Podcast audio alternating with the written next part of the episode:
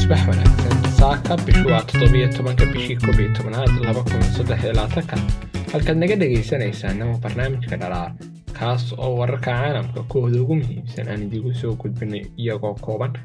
Subax walba lixda subaxnimo ayaan idiigu baahinaa adeegyadii boodkastyada sida spotify-ga iyo apple podcast iyo youtube-ka iyo facebook oo aanu ku baahinay sideeda subaxnimo waxaan idiin soo jeedinayaana saaka anigoo ismaaciil cali asad ah.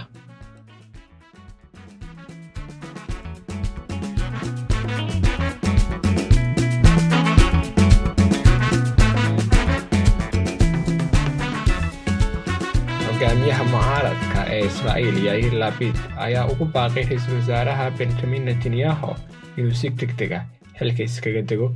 iyadoo israa'iil ay duqaymo aan kala sooc lahayn ka hayso khaza taasoo jawaab u ah weerarkii toddobadii bisha oktoobar labid ayaa ku baaqay in codka kalsoonida loo qaado baarlamanka si loo dhiso xukuumad cusub oo uu hogaamiye u yahay ra'iisul wasaare kale. Waxaanuu yidhi netanyahu waa in si deg dega u baxo.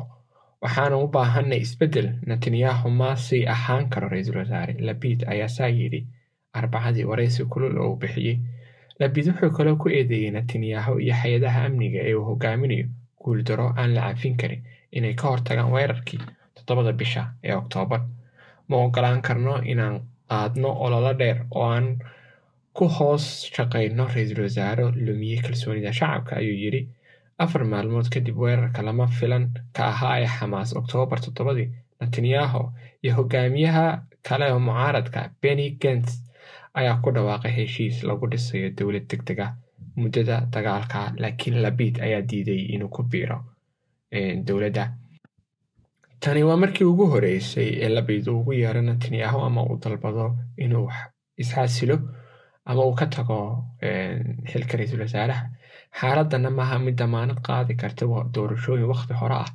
Marka waxa u fudud in netanyahu uu isagu iscasila kadibna ay soo dhisaan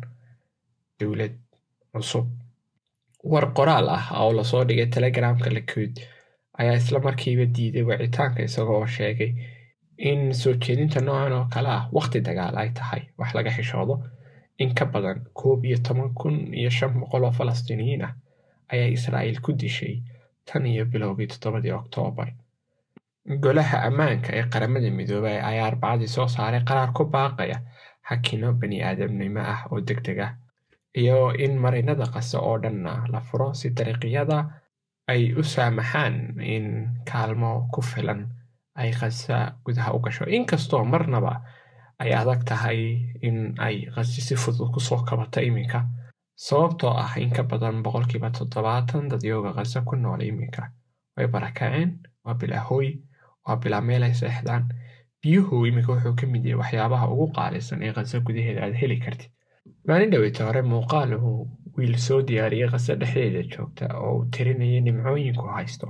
Wuxuu sheegay biyo internet jaajar iyo taleefon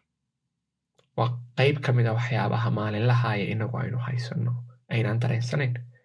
Waynu ducaynaynaa dhammaan dadyooga khaza iyo guud ahaan falastiin oo dhan iyo guud ahaan muslimiinta qayb waloo dunida ah mar kale maalin fiican ayaan idiin rajaynaynaa maanta warbixinteennu aad bay u koobanayd nabaday